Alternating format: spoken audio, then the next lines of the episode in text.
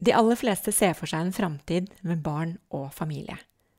Hva skjer med parforholdet når det å få barn viser seg å være vanskelig? Og hvordan oppleves forholdet til venner og familie som stadig minner deg på at du bør vel få barn snart? Og hva gjør en voksen kvinne når livet må defineres på nytt fordi ingenting ble slik hun hadde planlagt og håpet?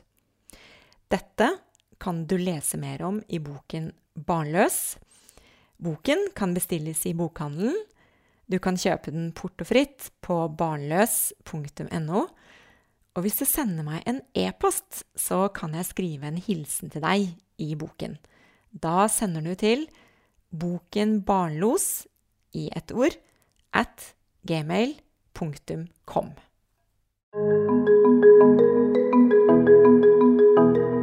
Dette er en podkast om barnløshet. Jeg ønsker å finne svar på hvorfor temaet er så viktig for oss. Jeg vil grave frem fakta på området, og ikke minst dele de viktige historiene bak. Jeg er Cecilie Hoksmark, og mitt mål er større åpenhet.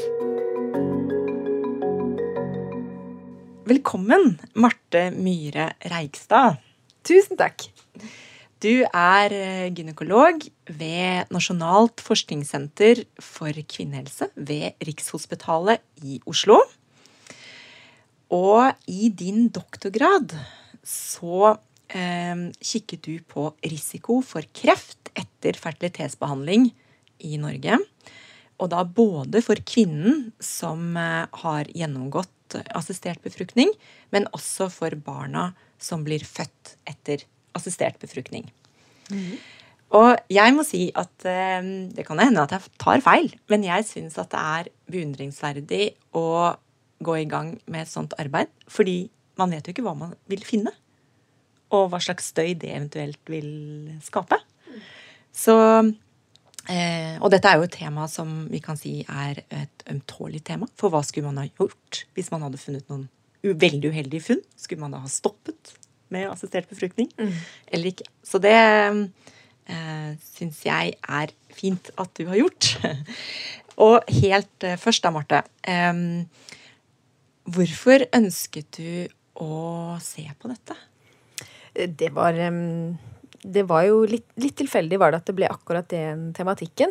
Men, men, eh, og at det ble jeg som gjorde det prosjektet. Men det var fordi at opprinnelig var jeg interessert i um, ufrivillig barnløshet og uh, fertilitetsbehandling. Uh, og da um, kom jeg i kontakt med um, en gruppe som hadde sett litt på dette før, og så hadde søkt midler til en doktorgrad, da. Mm. Så det var liksom grunnen til at jeg personlig ble in involvert i det. Um, mm. Hva er hypotesen bak hvorfor man skulle tenkt at man ville funnet noe? Mm. Altså, eh, grunnen til at man i utgangspunktet veldig liksom, tidlig ble opptatt av det, var fordi at man vet at um, eh, Hormoner har jo alltid vært sånn skremselsbegrep, ikke sant?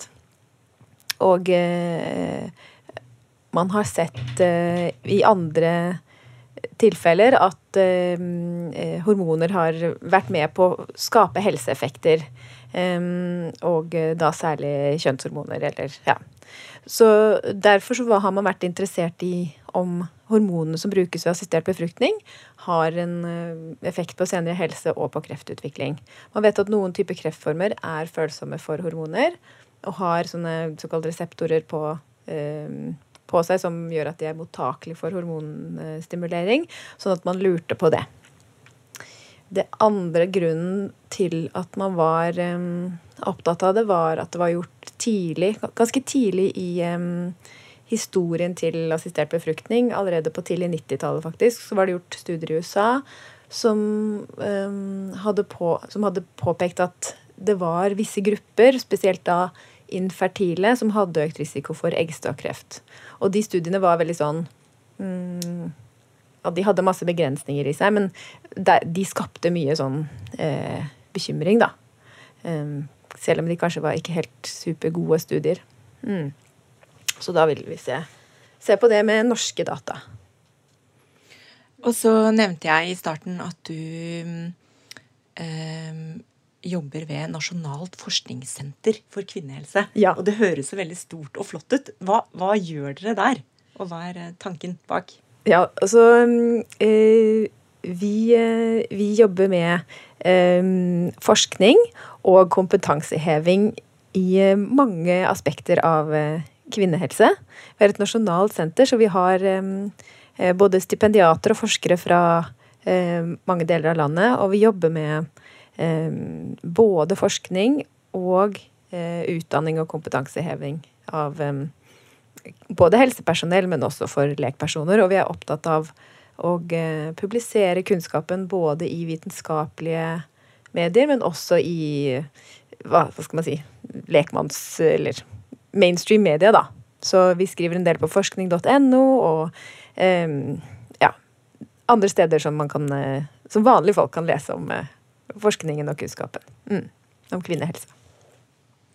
Og så tilbake til um, studien eller doktorgraden som du da gjorde. Og du nevnte at du samlet inn, eller så på data fra norske eh, kvinner og barn. Um, men hvordan samlet du det inn?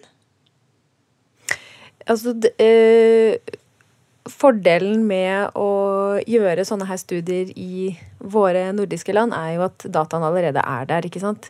Dette var data som var samlet inn fra, eh, eh, med, til medisinsk fødselsregister og eh, kreftregisteret. Og dette er store helseregistre som samler data hele tiden. Så vi kunne gå langt tilbake og ha eh, mye informasjon da, om de det gjaldt. Vi brukte også litt eh, data fra Reseptregisteret, som, eh, som er opprettet litt senere enn Kreftregisteret og Medisinsk fødselsregister. Så de, eh, de tre datakildene brukte jeg, da. Mm. Og, og Medisinsk fødselsregister er jo start, ble startet allerede i 1967. Og Kreftregisteret ble opprettet i 1952. Så der har man veldig mye data. Og så nevnte eh, jeg i starten at du både har sett på selve fertilitetsbehandlingen for kvinner, og, men også konsekvenser for barna. Men hvis vi nå skal starte med selve hormonbehandlingen, fertilitetsbehandlingen, hva fant dere? Altså, I hoveddelen så eh, sånn Hvis jeg skal oppsummere sånn hele doktorgraden i noen få setninger, så eh, fant vi at um, at det var ikke veldig store forskjeller i eh, kreftforekomst. Det vi, det vi, så, var at eh, de kvinnene som eh, hadde lengst eh, Der vi så litt utfall da, var på brystkreft. Vi så bitte litt tendens til eh, økt eh, brystkreftrisiko blant de som fikk barn med assistert befruktning. Mm. Og så så vi at i et litt mindre um, litt kort, Med litt færre uh, kvinner så så vi at uh, de som um, hadde fått mange behandlinger og eller ikke fått barn, de hadde litt økt risiko for eggstokkreft. Men det var en veldig liten gruppe. Det er en veldig sjelden uh, krefttilstand i forhold til brystkreft, som er veldig vanlig. Så der var det noe usikkert, da. Mm. Så det var liksom hovedfunnet. Vi, vi, ja. Mm. Og når du sier at det var en liten økning, hva, kan du fortelle oss uh, Utdype litt mer? Ja, altså det vi så, var at de, uh, de Når det gjelder brystkreft, da, så så vi at de som hadde eh, eh de som hadde født barn og fått vanlig standard IVF-behandling, de hadde en ca. 20% økt risiko for brystkreft. Og vi fulgte de opp over ti år, fra de var i gjennomsnitt 30 eh, til 40 år, da. Men det var en del som var også eh, eldre, for de hadde um, fått barn tidlig på, i IVF-perioden, så de hadde vi veldig lang oppfølging på. Men i snitt hadde vi oppfølging i ca. 11 år da, på de. Eh, og eh, så 20% ca. Ja.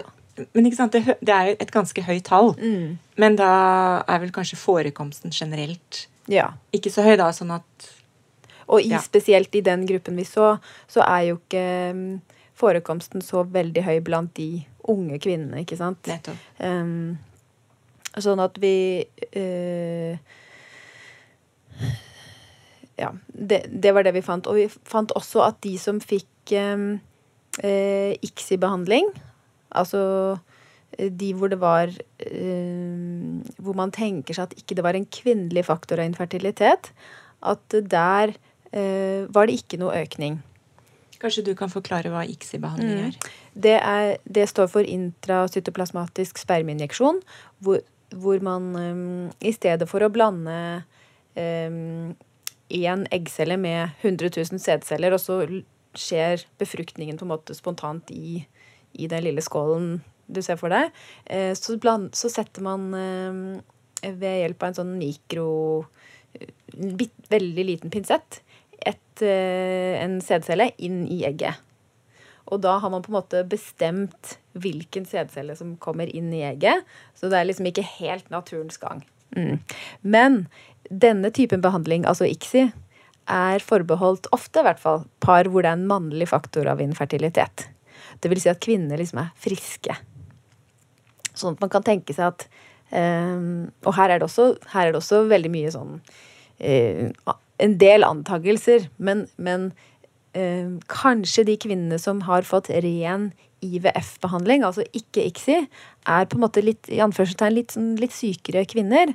At de har kanskje en, en annen tilstand. At ikke det er nødvendigvis den hormonbehandlingen de gjennomgår, men det, den infertiliteten eller det som gjør de ikke fruktbare, liksom, som gjør at de har en litt økt risiko for brystkreft.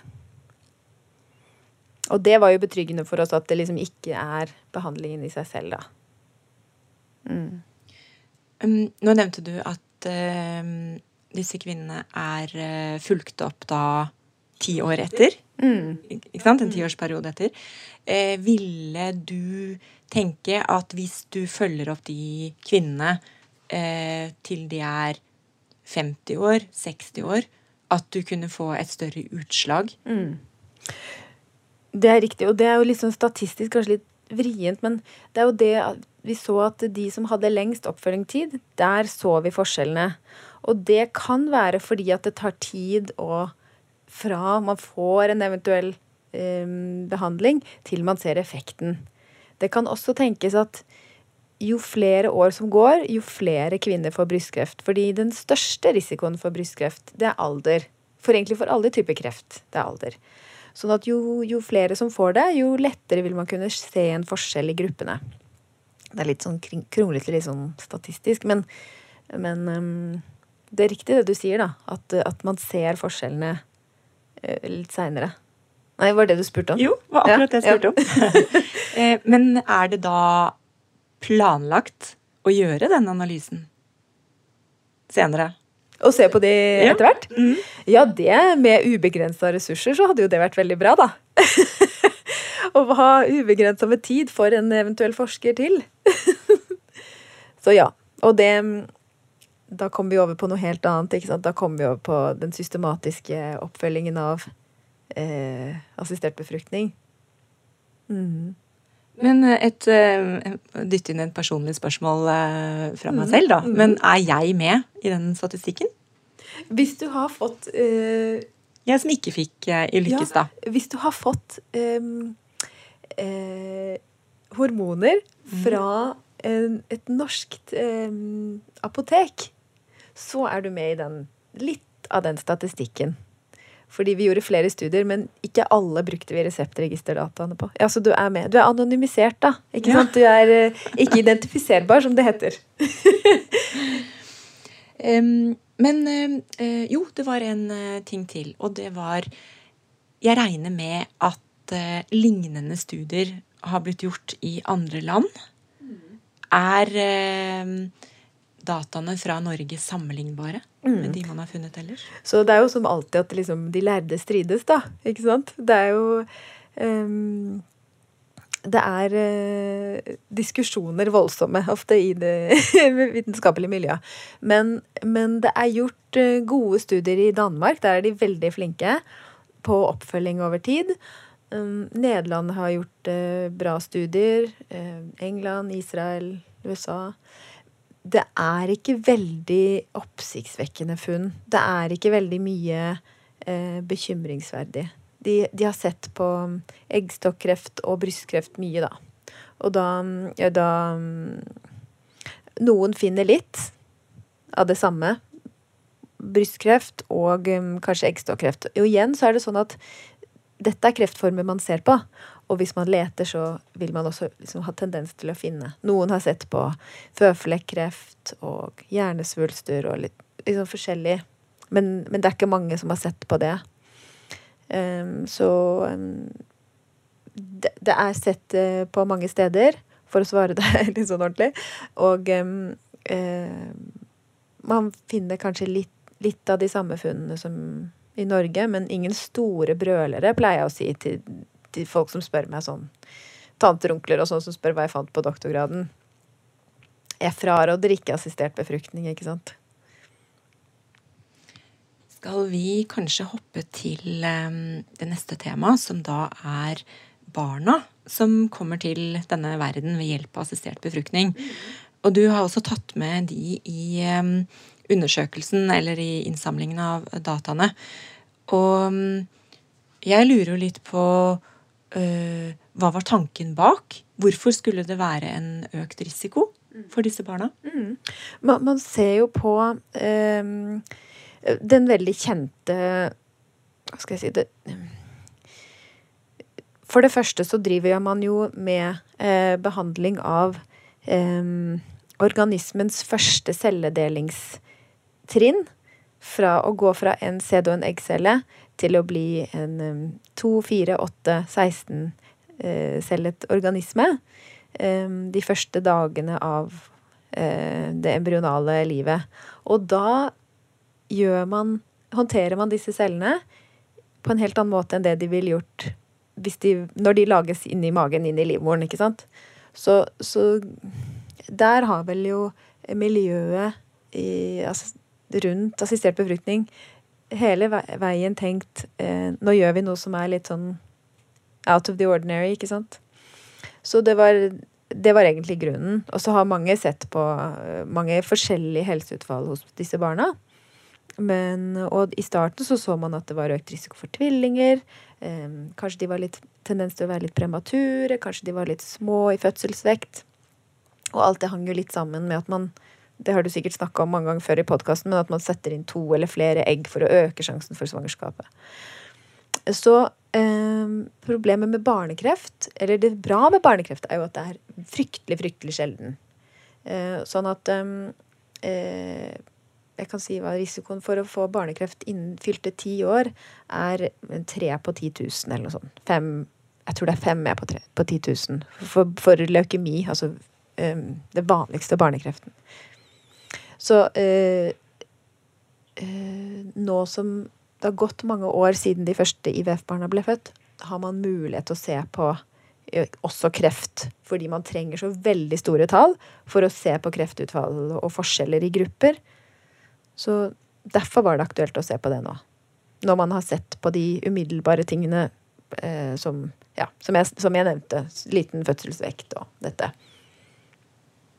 Um, ja. Lang. Og hva, hva, fant dere, da, konkret?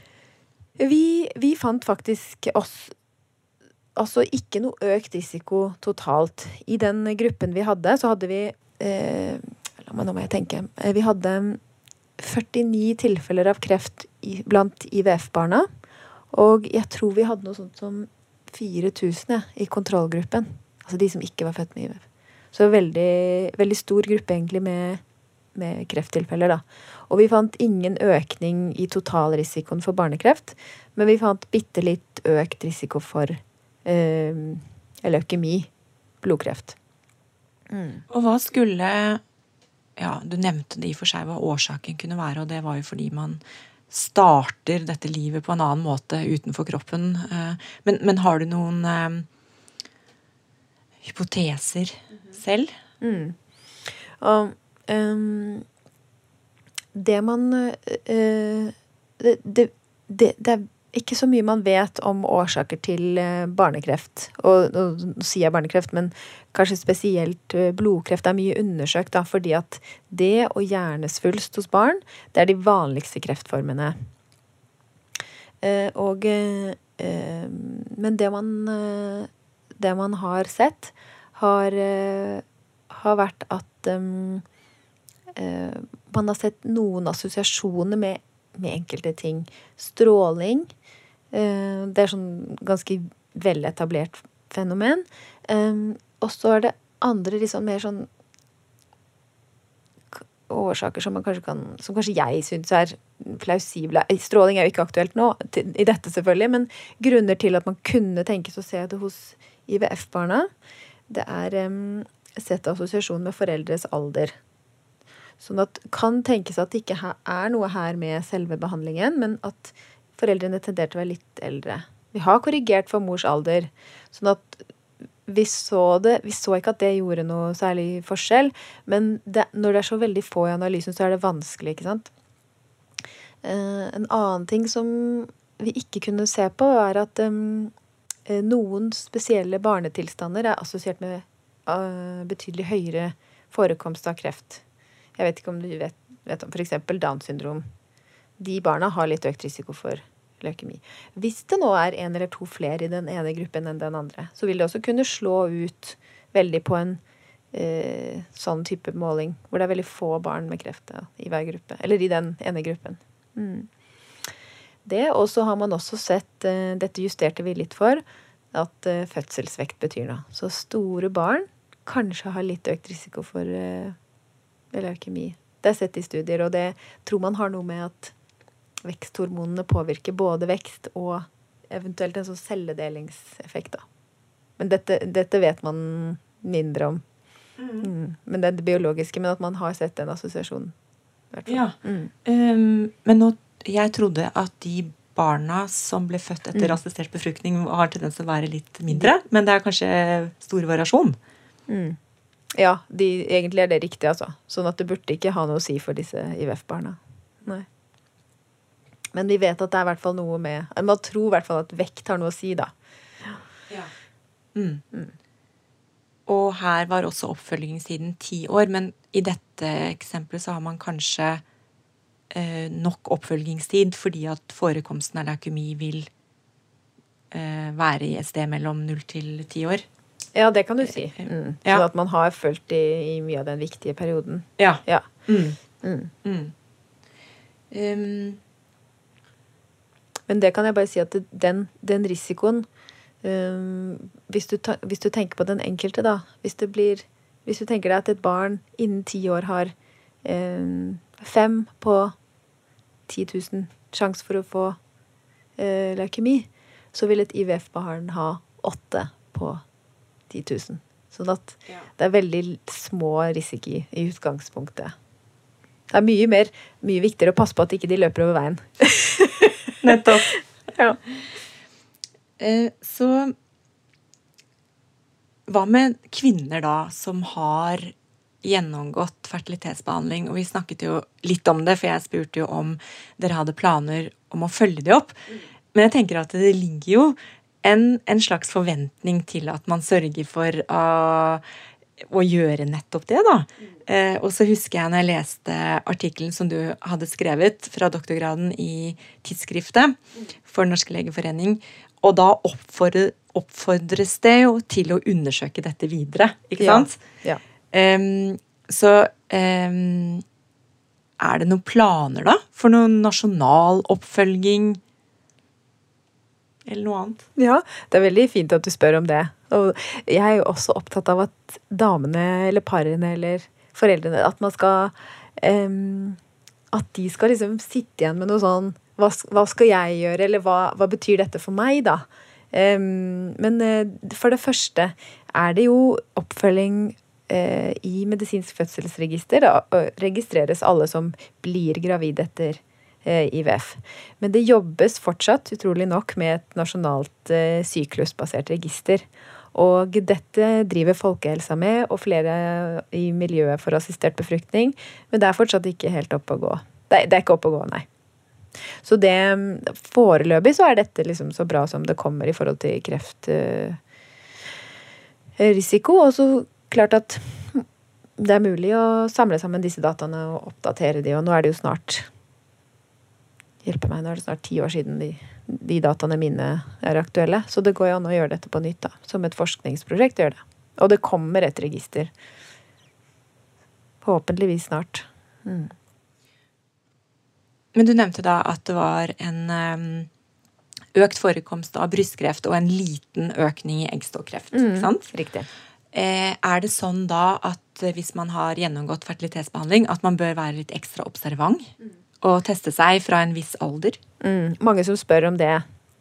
Eh, også eh, eh, når, det gjelder, når det gjelder kreft generelt, så er det jo sånn at eh, det, det er en multifaktoriell sykdom. Vi tror Altså veldig sjelden er det én ting som utløser en kreftsykdom.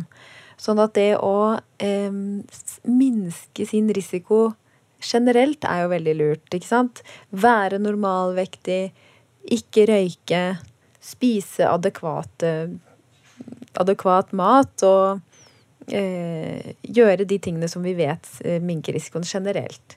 Også for kvinner så er det kjempeviktig å gå til disse screeningene som vi har. Gjøre livmorhalsprøver. Regelmessig undersøkelse av bryst. Og eh, følge de tilbudene som er i forhold til eh, forebygging av kreft. Da. Når det gjelder eggstokkreft, så vet vi lite om hva som er bra for å fange opp det tidlig og forebygge det. Vi har ikke noe evidens for at det å gå til jevnlige ultralyder er, er, er gunstig for utfallet, rett og slett. Men, så det er en vanskelig sykdom. Det man kan si, er i hvert fall at gå til jevnlige gynekologiske undersøkelser når du innkalles til screening hvert tredje år, eller før hvis du har plager. Er det noen sammenheng hvor mye hormonbehandling man har vært utsatt for? Mm. Vi så også um, i den studien Jeg vet ikke om du leste Du tenkte på noe av det jeg fant. Det, det var litt eh, også litt økt risiko for eh, livmorkreft. Og det var blant de som hadde fått mange runder. Og hva er mange runder? Eh, da hadde Gud, det husker jeg ikke. Jeg tror vi hadde delt opp i eh, Hva var det vi sagt som cutoff? Mer enn tre og mer enn seks, eller noe sånt. Vi så litt Men det, det, det er vanskelig, for det er veldig eh, Det er veldig få eh, som har fått mange runder i de to det er mange som har fått mange runder, men i de tilfellene hvor det er blitt oppdaga krefttilfeller i den perioden, så er det få. Ehm, eh, det med livmorkreft er jo sånn at det eh, er veldig assosiert med eh, høy kroppsvekt, høy BMI. Fordi at Jeg vet ikke om det skal si så mye om det, men vi tror at fettvevet har på en måte en slags litt aktiv hormonell rolle som påvirker livmorslimhinnen. Sånn at overvekt, det øker eh, risikoen for eh, livmorkreft. Og da tenker vi oss at i den studien, selv om vi så litt økt risiko blant de som hadde fått mange behandlinger, så tror vi kanskje at det var Det kan tenkes at det var kvinner som trengte mange behandlinger fordi de hadde en overvekt, kanskje en sånn det som heter PCOS. Um, hadde, Hva er det? Det er sånn polysystisk ovariesyndrom hvor de har um, en uh, har tendens til å ha en litt høy BMI og uh, sjeldne eggløsninger. Og da trenger de kanskje mange behandlinger for å få disse eggløsningene. Uh, vi hadde ikke mulighet til å justere for BMI i studien vår. Så um, mm. Det bra med livmorkreft er jo at det gir veldig tidlige symptomer. Det gir blødningsproblemer og uh, Oftest, i hvert fall. Mye på en måte tryggere enn eggstokkreft, som kan være litt mer sånn lurt, fordi at det, um, det ikke gir noe plager. Hvis det er logisk. Mm. Hvis um, senteret som du jobber ved, skulle fått et uh, skikkelig økonomisk uh, bidrag mm. som kom på bordet ditt, um, og du hadde fått lov til å gjøre en studie da, eller en undersøkelse med tanke på IVF-behandling, mm. hva ville du gjort da? Ja, å, det er sånn der drømmesituasjon, det, da. Um, det, det um, det som hadde vært bra, hadde jo vært å gjort disse dataene oppdatert i. Kanskje sammen med nordiske data. Det er jo sånn um, like gode registre både i Sverige og Danmark og Finland. Men det er litt kronglete sånn som det er nå, å sammenkjøre alle disse dataene. Uh, så da kunne man fått skikkelig bra uh, store data. Mye, mange krefttilfeller. Og eh, da måtte jeg hatt en sånn par sånne veldig flinke statistikere, da. Også, men da kunne vi sett på eh, undergrupper. For å prøve å se er det de med høy BMI som har disse tilfellene. Er det de kanskje vi bør anbefale eh, en spesiell oppfølging til? Nettopp fordi at eh, jo mer detaljert man ser på gruppene, jo bedre kan man tilpasse helseråd, da og oppfølging. Og jeg har jo snakket litt om brystkreft. Eh, men vi vet ikke Det så ikke jeg på i studien. Vi vet ikke stadieinndeling på de tilfellene som var litt økt. Vi vet ikke om dødeligheten var økt, fordi det kan tenkes at de bare overvåkes bedre og er oftere til helsesjekk, blir oftere diagnostisert med en brystkreft, men at de lever like lenge som sine medsøstre som ikke har fått assistert befruktning. Så alt dette henger jo liksom litt fortsatt, da. Da vil jeg gjerne takke deg, Marte, for eh, et fint intervju. Og lykke til videre med forskningen. Tusen takk. Tusen takk for at jeg fikk komme.